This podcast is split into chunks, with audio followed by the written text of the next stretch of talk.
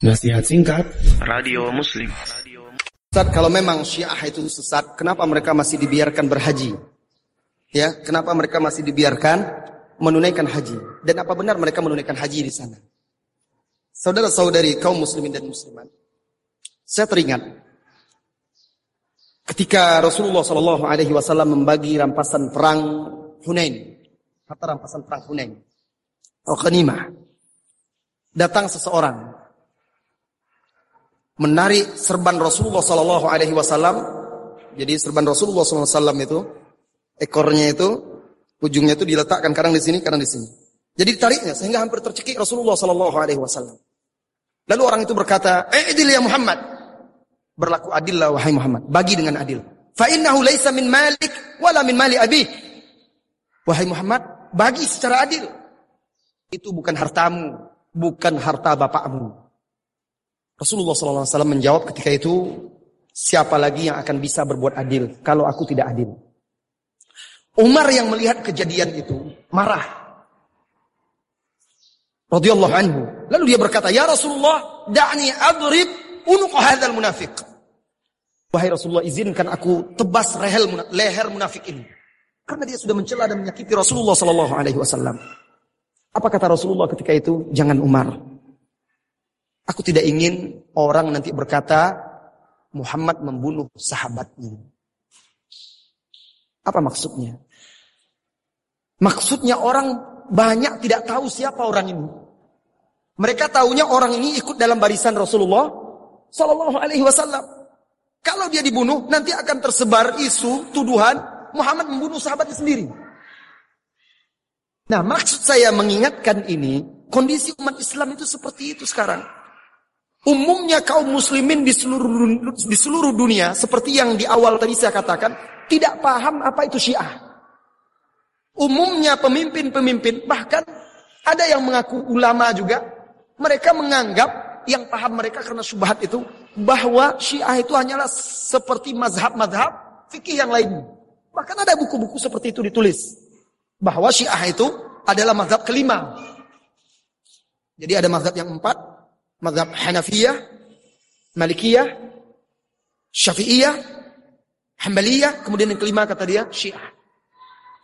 Ada seperti itu bukunya. Nah karena banyak kaum muslimin tidak tahu, maka pemerintah kerajaan Arab Saudi juga tidak bisa sembarangan. Kalau dilarang nanti apa kata umumnya kaum kaum muslimin bisa terjadi fitnah besar juga. Jadi tidak mudah. Oleh karena itu sekarang yang bisa kita lakukan yang terbaik adalah menyampaikan kebenaran itu. Sampai orang banyak tahu, kaum muslimin tahu. Sehingga bisa waspada dan menjauhi pemahaman dan juga akidah syiah tersebut. Serta orang-orangnya. Jika tidak, maka sulit bagi kita untuk untuk menghalangi mereka. Jadi pertama memang kalau seandainya barangkali itu kebijakannya, kalau seandainya dihalangi karena kaum muslimin mayoritas tidak mengetahui hakikat itu, bisa terjadi fitnah yang lebih yang lebih besar. Kedua, namun begitu para ulama-ulama di sana tetap bersikap tegas terhadap kaum Syiah.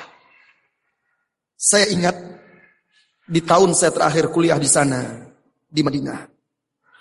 Ketika itu ada kunjungan salah seorang tokoh dari Iran. Kunjungan menteri kalau saya tidak salah itu di tahun ibu.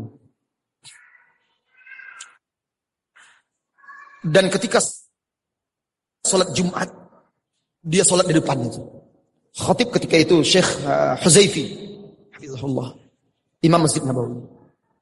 Dan tanpa disangka oleh orang banyak, dan juga tidak diduga oleh menteri Syiah ini, tamu yang datang dari Iran itu, uh, Syekh Huzaifi khutbah tentang membongkar kebobrokan Syiah dan celaan mereka terhadap Rasulullah SAW dan para sahabat di hadapannya dengan berani tegas disampaikan semuanya dalam khutbah Jumat itu. Tahukah anda apa yang terjadi? Sehari setelah itu langsung hilang Syekh. Diamankan. Karena dikhawatirkan terjadi sesuatu. Hampir satu tahun kami tidak tahu. Hilang begitu saja. Tidak ada yang tahu ke mana Syekh. Ada yang mengatakan sudah pensiun, ada yang mengatakan begini sakit apa dan segala macam. Tidak tahu. Setelah setahun berlalu baru dia muncul. Dan ada yang mengatakan sengaja pemerintah Arab Saudi mengamankan beliau supaya tidak terjadi sesuatu pada diri beliau. Nah jadi ulama-ulama di sana mereka tetap menyampaikan kebenaran itu kepada kaum muslimin. Bahkan sekalipun di hadapan di hadapan orang-orang Syiah itu sendiri. Agar mereka paham mana yang hak, mana yang batil. Kalau mereka tidak mau menerima, setidaknya kaum muslimin menjadi mengerti dan paham bisa membedakan antara yang hak dan dan yang batil. Apakah mereka melakukan ibadah haji? Mereka melakukan ibadah haji tapi ibadah haji main-main. Kenapa saya katakan begitu? Banyak dari prosesi ibadah haji yang mereka lakukan berbeda dengan ibadah haji yang dilakukan oleh oleh kaum muslimin. Banyak sekali perbedaan-perbedaannya. Jadi boleh dikatakan mereka berhaji itu seperti seperti takiyah. Dan beberapa tahun yang lampau Berkali-kali mereka membuat kegaduhan dan keonaran. Kegaduhan dan keonaran di tanah haram.